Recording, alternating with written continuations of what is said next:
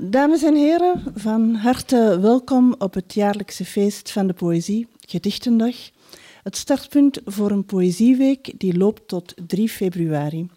En die poëzieweek is eigenlijk een Vlaams-Nederlandse samenwerking, een aanleiding tot honderden grotere en kleinere manifestaties op vele plekken in Vlaanderen en Nederland. En zo ook in Antwerpen dus. Zo net werd op het stadhuis van Antwerpen de achtste stadsdichter van Antwerpen aangesteld, Maarten Engels, die hier in 2009 als piepjonge debutant in de Notteboomzaal mocht aantreden. Ik was zelf bij de aanstelling en ik kan u verzekeren, dat is in alle sereniteit en rust verlopen en dat was heel fijn. ja. Um, terwijl de meeste van onze activiteiten, zoals tentoonstellingen en lezingen, intussen wel betalend zijn geworden, houden we er wel aan om gedichtendag gratis te houden. En laat ons zeggen dat we dat als een soort tractatie zien, een cadeautje voor ons trouw en enthousiast publiek. Heel veel van onze activiteiten staan dit jaar in het teken van conflict en oorlog. Uh, conflict is bijvoorbeeld het centrale thema in onze zondagse notenboomlezingen. En ook onze zomertentoonstelling draait rond de frontblaadjes uit de Wereldoorlog 1. We kozen er ook voor om gedichtendag te wijden aan de Grote Oorlog. En daarvoor hebben we professor Geert Bules weten te strikken, die hier vandaag een poëtische lezing zal geven. En Geert Bulens uh, is hoogleraar moderne Nederlandse letterkunde aan de Universiteit van Utrecht. Hij is ook uh, gasthoogleraar aan de Universiteit van Stellenbosch. Ik moet eerlijk zeggen dat ik zijn curriculum een beetje heb ingekort, om het toch niet te lang te houden. Uh, zijn onderzoek gaat vooral over de wisselwerking tussen literatuur en samenleving. Hij publiceert uh, uitvoerig over Paul avant-garde poëzie, nationalisme en de poëzie van de Eerste Wereldoorlog. En hij werkt nu onder meer aan een cultuurgeschiedenis van de jaren 60. Van Ostaaien tot heden, zijn omvangrijke geschiedenis van de Vlaamse poëzie viel meermaals in de prijzen. En in Europa, Europa schetst Geer Bules de cultuurgeschiedenis van de Eerste Wereldoorlog door de ogen van bekende en minder gekende dichters. Hij won daarmee in 2008 de ABN AMRO-prijs voor het beste non-fictieboek. Europa Europa werd vertaald in het Engels en in het Duits. Velen van ons kennen Geert Bullens ook als columnist in de Morgen, De Standaard, Le Soir, of als publicist van opiniestukken in de Volkskrant, NRC, Handelsblad. En uh, ik las ook dat hij, sinds dat hij in het buitenland verblijft, een beetje anders kijkt naar België. Een beetje als een buitenstaander. Soms geboeid, soms geamuseerd en soms gebelligd dan tussen aanhalingstekens. Naar de discussies en wederwaardigheden in België, en dat zijn er heel wat, dat weten we allemaal. Geer Bullens schrijft niet enkel over poëzie, hij is zelf ook dichter. Hij publiceerde drie poëziebundels, Het is, Verzeker u en Thuis. En Thuis werd vorig jaar genomineerd voor de Herman de Koningprijs. Dames en heren, ik ga nu het woord geven aan onze gast van vandaag, dat is Geer Bullens, zoals u weet.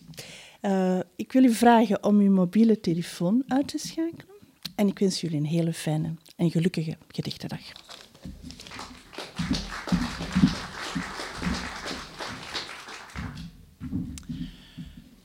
Dank u wel voor deze vriendelijke inleiding. Goedemiddag uh, allemaal. Uh, ik woon dan wel in Nederland, maar ik kom natuurlijk gewoon uit Antwerpen. Hè. En ik ga op mijn uh, lezing van vanmiddag met, uh, met een Antwerpse dichter beginnen. Het is gedichtendag vandaag. Het is ook bijna 100 jaar geleden dat de bloedige slag om Verdun begon in Frankrijk op zich al een reden om het nog eens over de poëzie van de Eerste Wereldoorlog te hebben. Poëzie van de Eerste Wereldoorlog, mensen die zich daarmee bezighouden of die daar vaagweg interesse voor hebben, die denken dan heel vaak aan uh, Britse oorlogsdichters. Uh, Wilfrid Owen, Siegfried Sassoon, Robert Graves, Isaac Rosenberg, een hele reeks van vooral in Engeland nog altijd heel veel gelezen en gewaardeerde dichters. Daar ga ik het uh, nu vandaag maar eens niet over hebben. Uh, ik wil vandaag illustreren dat de Eerste Wereldoorlog zijn naam niet gestolen heeft. Het was echt een wereldoorlog. En dus ik wil, uh, ga heel dichtbij beginnen met een Antwerpse dichter. En dan gaan we zo steeds verder uh, weg van Antwerpen en weg van België. Um, om uiteindelijk ja, echt aan de andere, letterlijk aan de andere kant van de wereld uh, te belanden. Om aan te geven hoe internationaal dat conflict wel niet was.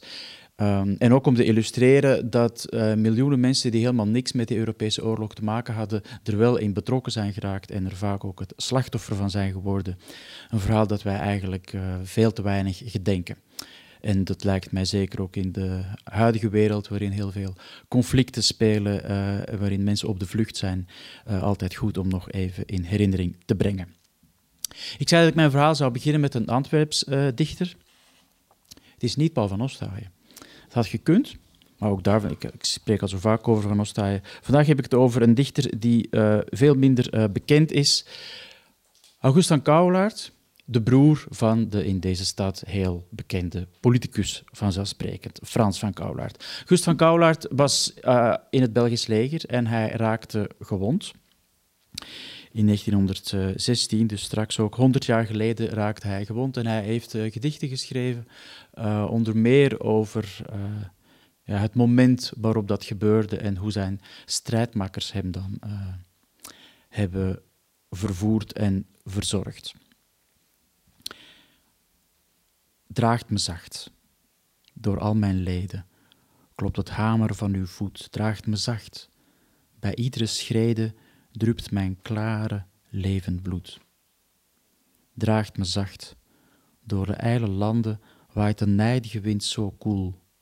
Of zijn het al uw kille handen, dood die kom mijn slapen voel.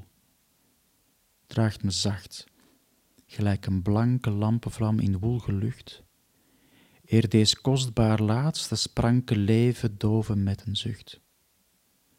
Draagt me zacht, hoe daalt zo dicht en hel de hemel over mij? Ben ik reeds de sterrenlichte poort der eeuwigheid nabij? Maar heeft het wel overleefd. Dat geldt helaas niet voor de uh, volgende dichter. Een Belg uit Luik, Louis Boumal. Geen heel bekende uh, dichter, uh, helaas. Um, en dus een van onze landgenoten die aan de ijzer is gesneuveld. Een gedicht uit september 1915, geschreven in Rabbelaar aan de ijzer. Dubbelheid. Een neuriënde stoet van ranke espenbomen lijkt als een eerhaag de reisweg af te zomen. Niet mis, nee. Ook al hoor ik mijn herinneringen op deze route liever dan het loverzingen. De hemel is bezaaid met wemelende sterren. Ze vormen stofjes, goudstof, droomlicht in de verre.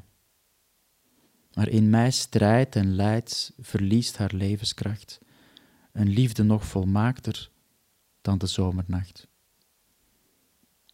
Hoe dromerig de mist waarin het landschap baat, als ik het morgenrood de loopgraven verlaat. Mijn hart kent nog een dromerige schemerschijn. Vergeten droefenis, vermengd met laatste pijn. De meidoren die ontbloeit, klaprozen koketteren. Gaan wij twee dat profane rookgoed ooit proberen? Ja, voor een hartig pijpje zijn we wel te vinden. Want liefde, droefheid, alles zal als rook verzwinden. Nu een gedicht uit Nederland. Nederland was neutraal tijdens de Eerste Wereldoorlog. En de mensen maken zichzelf daar nog altijd wijs dat ze er niks mee te maken hadden. Maar ze hadden er heel veel mee te maken, want als neutraal land was Nederland heel belangrijk, niet alleen in de propagandaslag die uh, bezig was, maar ook voor de uh, bevoorrading um, van de, uh, vooral eigenlijk van Duitsland. Alle belangrijke Nederlandse dichters uit die periode hebben over de Eerste Wereldoorlog geschreven. En misschien is de belangrijkste Nederlandse dichter uit die periode wel Herman Gorter. Gorter was bekend geworden op het einde van de 19e eeuw met Mei, een nieuwe lente en een nieuw geluid. Hebt u misschien nog wel op school moeten leren. Nadien werd Gorter communist. En hij uh, schreef tijdens de Eerste Wereldoorlog, hij herschreef eigenlijk een lang gedicht dat hij in 1912 had gepubliceerd. Pan heette dat. Maakte hij een lange nieuwe versie van, omdat hij ervan uitging dat de Eerste Wereldoorlog wel eens de aanloop zou kunnen zijn naar een wereldrevolutie. Nou, dat bleek in zekere zin zo te zijn. Er kwam geen wereldrevolutie, maar alvast een jaar na het verschijnen van Pan brak de revolutie wel uit in Rusland. Gorter beschrijft in uh, het stuk dat ik nu ga lezen, aan de ene kant heel lyrisch, zoals de dichter van mij bekend is geworden, prachtige taal, aan de, aan de andere kant ook heel hard, wat die oorlog eigenlijk was. hij beschrijft uh, de oorlog als een onbegrijpelijk conflict waarin alle arbeiders die eigenlijk samen met elkaar zouden moeten strijden tegen de uh, manier waarop zij worden uitgebuit in de fabrieken, hoe die arbeiders nu tegen elkaar vechten. En dat dat eigenlijk de grote tragedie van de Eerste Wereldoorlog is. Vanaf het riviertje de IJzer tot de Alpen, vanaf de Oostzee tot aan de Karpaten, aan Dardanellen en de Caucasus, slachten de duizenden en miljoenen elkander. De domme arbeiders in deze gouden tijd die nu is nu. En die slaven schoten bij miljoenen hun prachtige, fijn bewerkte geweren op elkaar af, hun fijn gepolijste kanonnen. En hoog in de lucht zweefden ze op libellen, de vliegmachines, de fijne werktuigen, en stortten hun fonkelende granaten, hun prachtige koperen ronde granaten, tussen de slaven. De slaven op slaven en onder zee schoten hun duikboten als vissen, heerlijke zalmen of schelvissen of kabeljauwen, hun prachtige torpedo's op schepen af. Die vlogen in de lucht. Met sneeuwwit schuim barstend in gouden lucht, en honderdduizenden slaven werden vaneengereten. En de slaven stormden bij miljoenen op elkaar af en slachten elkander. En lagen in het prachtig licht van mei zoals de golven van de zee opbruisen en hun prachtige eindeloze randen van wit schuim tegen de donkere kust aanslaan, zoals de stromen van het heerlijk licht in wolken opstuiven tegen elkaar in de oneindige ruimte van het heelal. Zo lagen de arbeiders tegen elkander, zo stortten de arbeiders zich op elkander en vermoorden elkaar zonder duizenden en grote drommen richten zich naar de steden en de kanonnen, die prachtige, heerlijke vindingen van de geest. Verwoesten de steden, de prachtige scheppingen. En grote drommen richten zich naar de landen, de schitterende, prachtige, vruchtbare landen, de landen der wereld, van het heelal. En verwoesten de vruchtbare aarde, de prachtige schoot der aarde, de bewerkte. En alle drommen richten zich tegen de mannen de mannen die de makers zijn van het geluk der mensen, in de vrouwen en in zichzelf, en in de kinderen. En grote drommen richten zich tegen de vrouwen en vermoorden de vrouwen, de fijnste planten en bloemen gemaakt door de eeuwen van mensheid. De vrouwen uit wie de mannen zelf komen. En andere drommen richten zich tegen de kinderen. De kinderen, fijnere bloemen uit die bloemen, de kinderen die de toekomst zijn van het geslacht. En andere drommen richten zich tegen de geest der mensen en verwoesten hun geest. En andere drommen richten zich tegen het gevoel der mensen, het schoonste van het heelal, dat waardoor het heelal het heelal wordt, bewust, en verwoesten het schoonst gevoel. En overal, in alle landen der wereld, daar spoorden de leiders van de arbeiders, de verraders, op enkele na, o de zeer enkele, de arbeiders aan om tegen elkander te strijden en elkander te vermoorden. En al de arbeiders, als doffe slaven, als mensen uit de oertijd, onderworpen aan hun instincten, gekomen uit het al, en al de arbeiders als doffe slaven, onderworpen aan heersers, stortten zich op elkander en vermoorden elkander. En al de arbeiders, als domme beesten, als massa's beesten uit het groot heelal, als domme massa's beesten uit de aarde, een massa van wilde beesten op elkaar, storten op elkaar en vermoorden elkander. vanaf het riviertje de IJzer tot de Alpen, vanaf de Oostzee tot aan de Karpaten, aan Dardanellen en de Caucasus, aan de scheiding van Alpen en Italië, in Rusland, op de Balkan en in Azië, in Afrika en op de zeeën, vermoorden de arbeiders elkander. Verstikt in de gassen, vermoord door de kogels, vaneengereden door de mijnen, lagen de arbeiders over de aarde.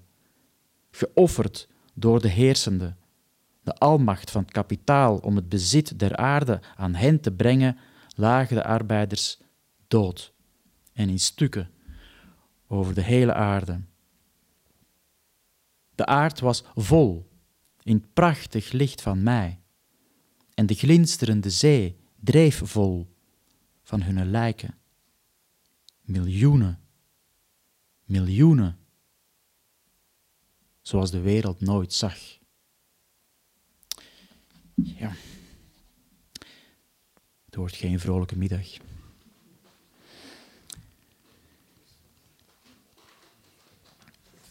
Een van de grootste dichters die tijdens de Eerste Wereldoorlog is omgekomen, is de Oostenrijkse dichter uh, Georg Trakel, die tot vandaag in de Duitsstalige wereld uh, in zeer hoog aanzien staat.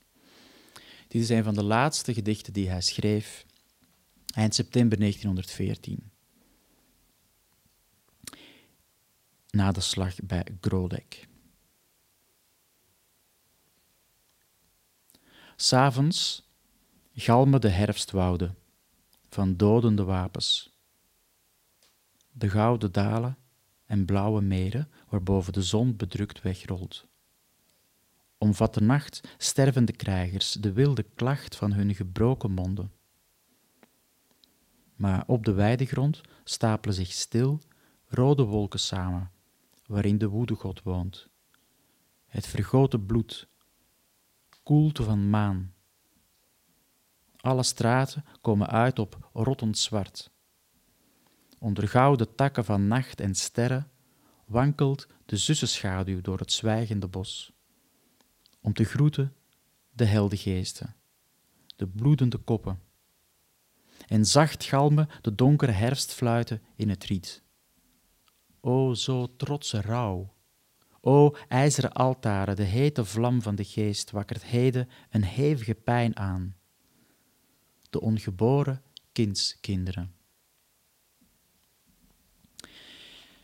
Een gedicht uit Frankrijk nu.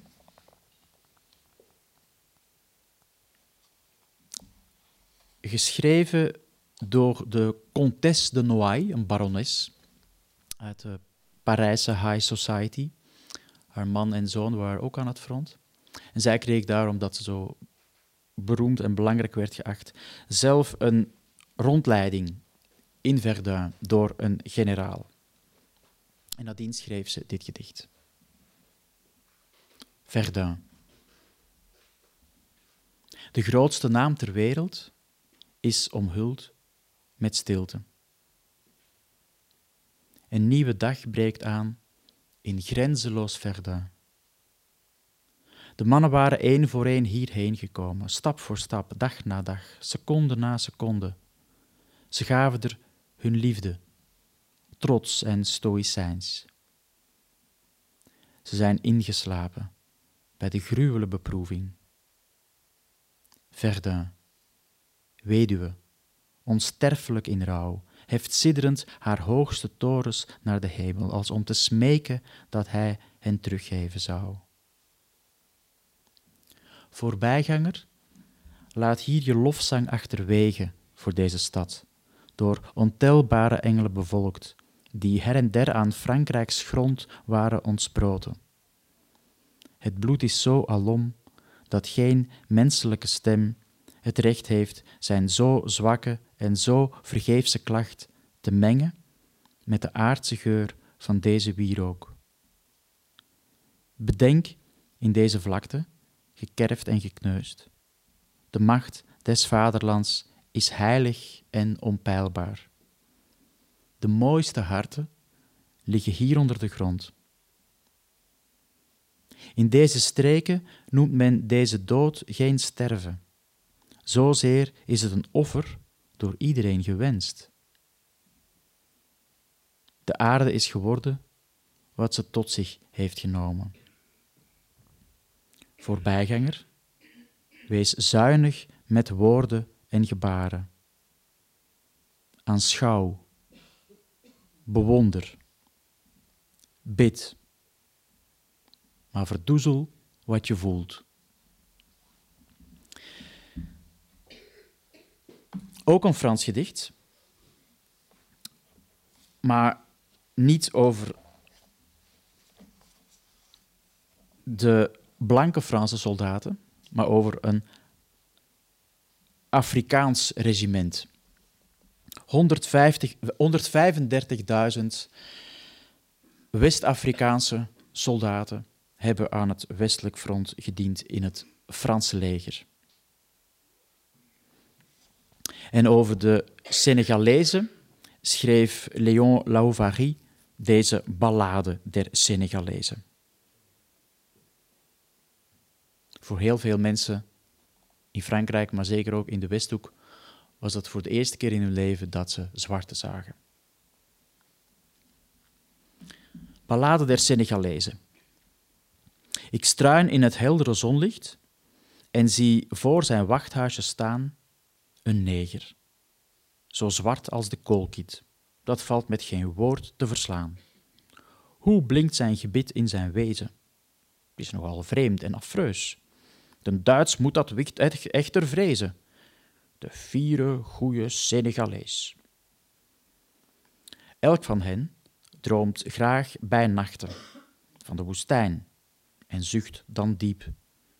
De gloeiende einder indachtig. Ademt hij immer een brandende bries. Zijn bloedrode muts staat hem prachtig. Zijn kapmantel noem ik niet eens. Het blauw met die boord maakt hem krachtig. Die fiere, goeie Senegalees. De lompe teunen ontwaken en willen hem dadelijk dood. De lucht kleurt al roodbart, span snaren en tokkel een statig akkoord.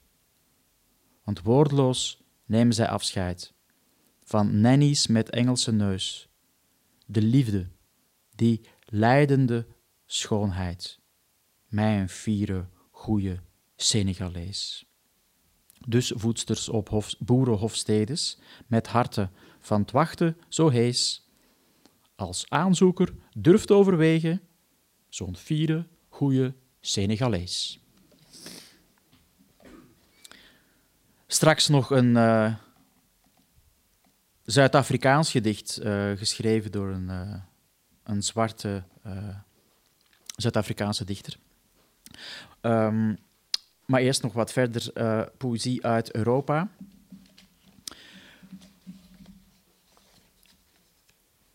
Het allerkortste gedicht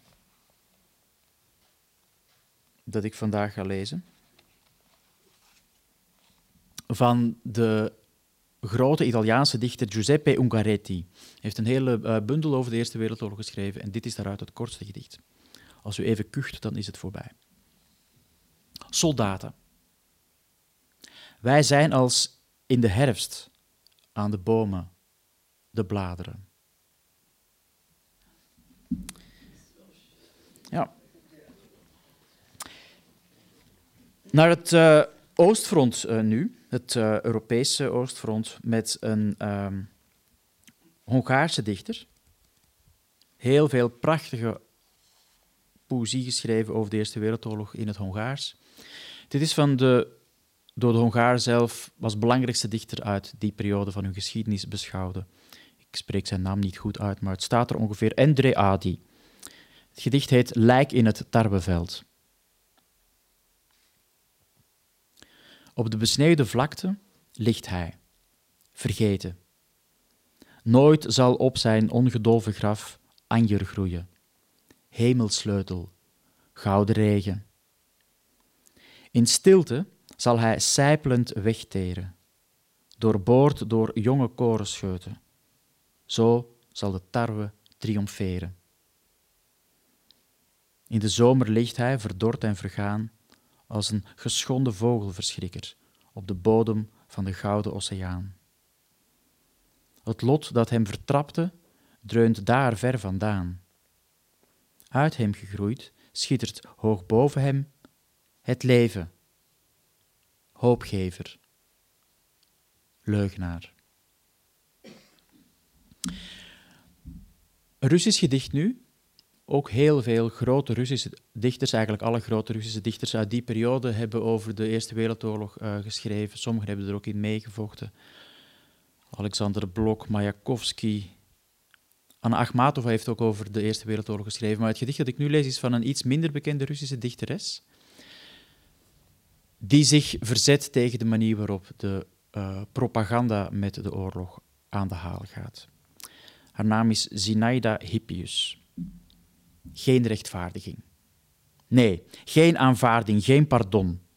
Ik blijf het steeds verdoemen, dit ijzeren gevaarte kon mij nooit de zijne noemen. Ik sneuvel met de rest, ik moord, ik richt mezelf te gronden, maar nimmer een verbloemend woord, mijn ziel wordt niet geschonden. Als het uur van vuur en duister slaat, moet dit in het hart beklijven. Een oorlog wordt niet goed gepraat, zo zal het eeuwig blijven. En als het Gods beschikking blijkt, dit pad van bloed en lijden, dan gaat mijn geest ook hem te lijf, trekt tegen God ten strijde.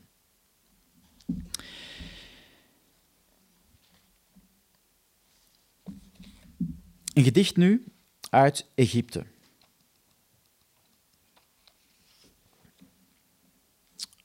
Van de Egyptische dichter Hafiz Ibrahim.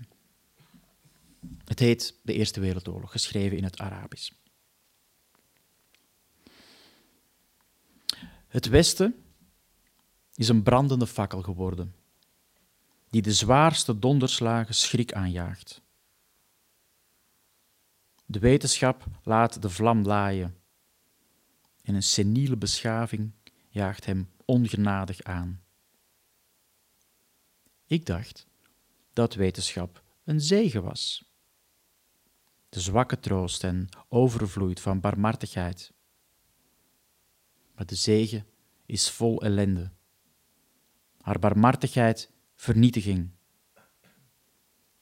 Schutters zijn niet opgewassen tegen schutters en sturen duisternis en verstikkende rook.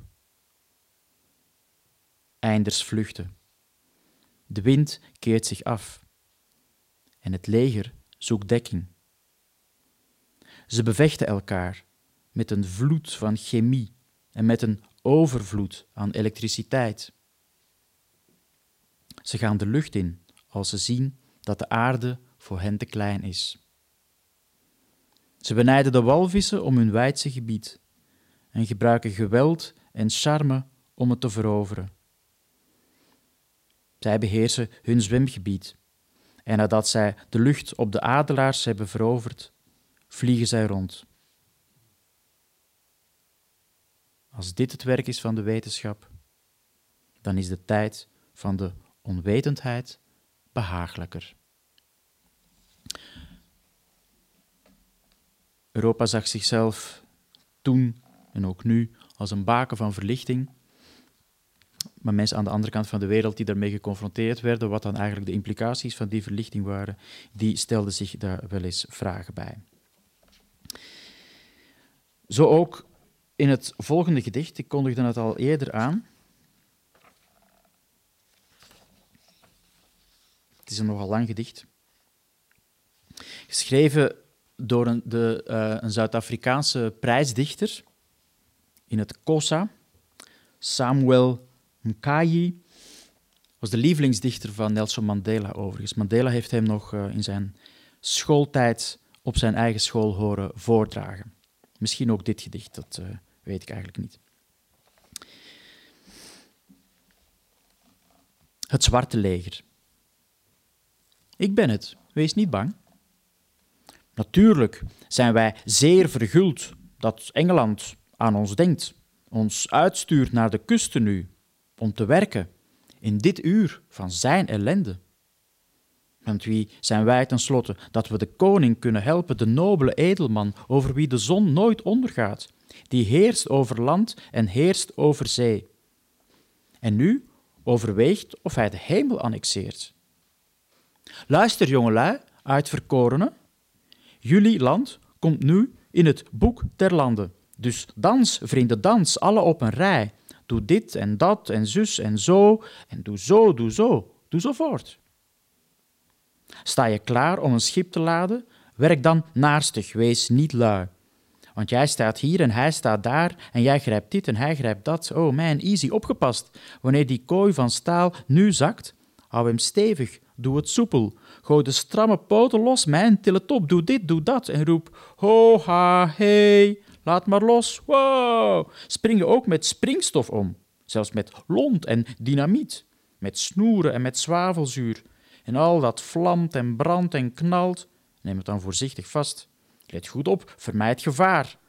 Als toch een man gebeten wordt en helemaal verbrandt, dan is dat simpel zat. Stuur hem naar de vaderen dan, met een chique dienst.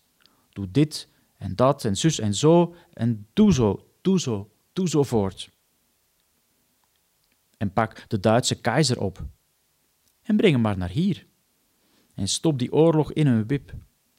En dat die keizer met ons praat. We zullen hem vertellen dat de Zulus zegevierden bij Sandwana en Tabanchu, waar de boeren bleek zagen, en het treffen der heksen bij Guadana. Maar jij, die anders bloothands leeuwen vangt, let op wanneer je hem gevangen neemt. Doe dit en dat en zus en zo en doe zo, doe zo, doe zo voort. Houd de zeppelin in de gaten. Als hij vuur werpt, smijt dan bliksem. Als hij gif spuit, gooi dan poeder. Als hij stroom stoot, strooi dan bijen. Verwar hem. Verwarring, verwarring, verwarring. Ren naar hier en ren naar daar, omsingel hem en haal hem neer. Doe dit en dat, doe zus en zo, en ga zo, ga zo, ga zo voort. Kijk uit voor von Hindenburg, die hondskop baviaan. Rij straks hier op zijn rug. Ten einde raad nu roepen ze ons. En ongeacht de ongenade, laat het ginds. En waag het niet als slafaard thuis te komen. Verhef de naam van Afrika onder alle volken. Geprezen zijn jullie dappere mannen. Ze stuurden je niet zomaar naar het front. Jullie zijn hun trots. Gehoorzaam de wet en het gebod. Doe dit en dat, doe zus en zo. En doe zo, doe zo, doe zo voort. Welaan dan, vrienden. Frankrijk wacht. Gedenk de honger die je achterliet, gezonde naar de slachtingen ginds. Zijn jullie offers voor het zwarte ras? Dit is onze offergave. Ga dan, kalvers van koeien met volle uiers, ga dan, zonen van uitgemergelde moeders, ga dan, gij kroost die de dood veracht. Want dat hebben wij van ver zien komen. De God van ons volk besloot het al eerder. Ga, met knieën vrij van kramp, met harten zonder horten. Ga met lijven lenig en licht. Links, rechts, links, rechts. Sta. Sta stil. Stop. Stop. Nu we toch aan de andere kant van de wereld zijn, een gedicht uit Australië.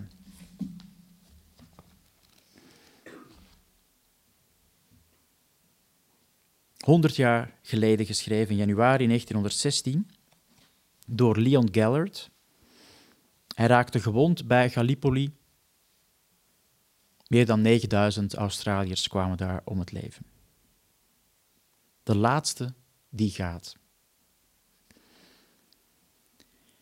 Geweervuur zweeg en in de duinenrij boog in een zacht briesje het stille gras.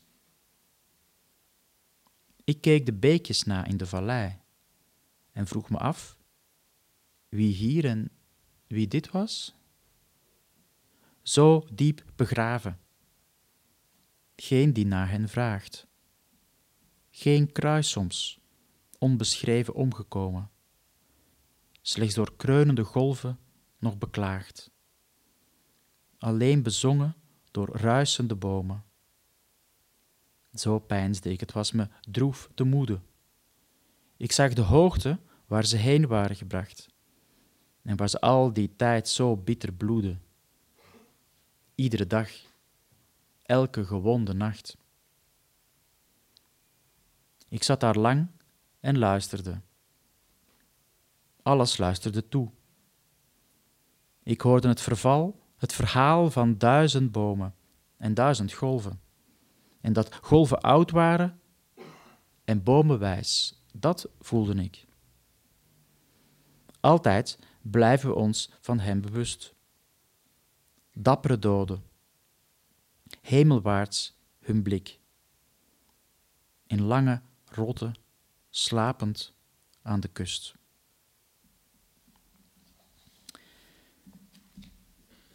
Een gedicht nu uit India van de dichter die misschien op dat moment wel de beroemdste dichter ter wereld was. Hij had in 1913 de Nobelprijs voor de literatuur gekregen. Ik denk dat wij het uitspreken als Tagore, maar Indiaanse collega's zeggen Tagore. Dit gedicht verscheen in 1914 in de uh, Britse krant The Times. De trompet ligt in het stof.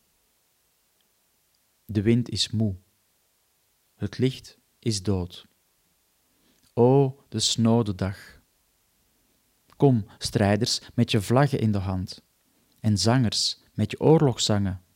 Kom, pelgrims van de mars, haastig op pad. De trompet ligt in het stof op ons te wachten. Ik was op weg naar de tempel met mijn avondofferandes en zocht een rustplek na het gesloof van de stoffige dag, in de hoop dat mijn wonden geheeld en de vlekken in mijn kleed wit gewassen zouden worden, toen ik uw trompet zag liggen in het stof. Was het niet het uur voor mij om mijn avondlamp te ontsteken? Had niet de nacht zijn slaapliedje gezongen voor de sterren? O, bloedrode roos, mijn papavers van de slaap zijn verbleekt en verlept. Ik wist zeker dat mijn zwerftochten voorbij waren en al mijn schulden afbetaald toen ik uw trompet ontdekte in het stof.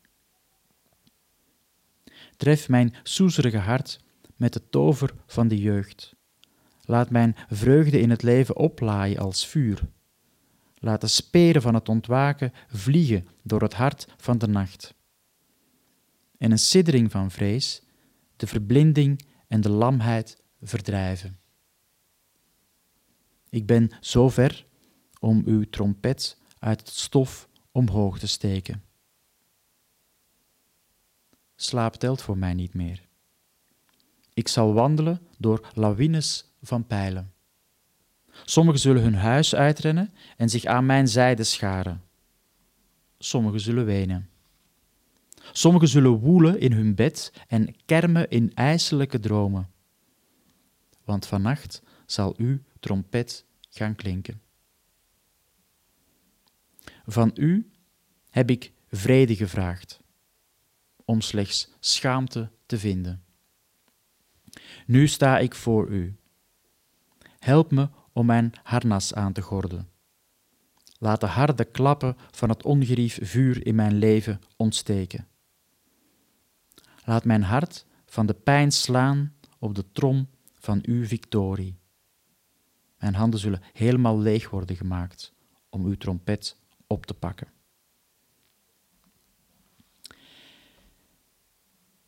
En dan, tot slot, een gedicht uit de Verenigde Staten.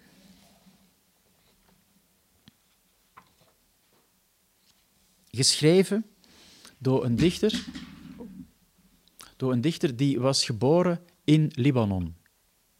Hij heette Michael Nouayama, geboren in Libanon. Hij emigreerde naar de Verenigde Staten. Het gedicht dat ik nu voorlees las hij in New York voor op een avond om geld in te zamelen voor de hongersnood die op dat moment heerste in Libanon en Syrië. En half juli 1918 landde hij zelf met het Amerikaanse leger in Frankrijk. Ja, dus een Libanese Amerikaan die in Frankrijk heeft gevochten en die een Eerste Wereldoorlog gedicht heeft geschreven in het Arabisch. Een gedicht uit maart 1917, dus voor hij zelf als militair actief was. Het gedicht heet Broeder. Broeder, als na de strijd de westerse soldaat luid triomfeert, gevallen makkers en hun heldendaden eert, bejubel winnaars niet en spot niet met verliezers, maar kniel met mij, met bloedend hart, en huil om onze doden. Broeder, als een soldaat naar huis terugkeert na de strijd, het moede lijf in armen werpt van wie hem dierbaar zijn, vraag in jouw streek niet naar beminde. De honger liet ons niks voor een vertrouwd gesprek dan dode schimmen. Broeder, als de boer weer ploegt en zaait, na lange afwezigheid de hut herbouwt die het geschut verwoestte, de waterputten zijn verdroogd, vernedering sloopt ons dak, de vijand liet geen veldplan staan, behalve onze doden. Broeder, wat is gebeurd, zou niet gebeurd zijn als wij dat wilden. Er zou geen rampspoed heersen. Klaag niet. Geen oor hoort onze klacht. Volg mij met spade en houweel en graaf een gracht voor onze doden. Broeder, wie zijn wij? Zonder land, familie, buur, liggend of staand zijn wij gekleed in schande. De wereld heeft genoeg van ons en onze doden. Pak de spade en graaf een tweede gracht voor ons die leven. Ik dank u wel.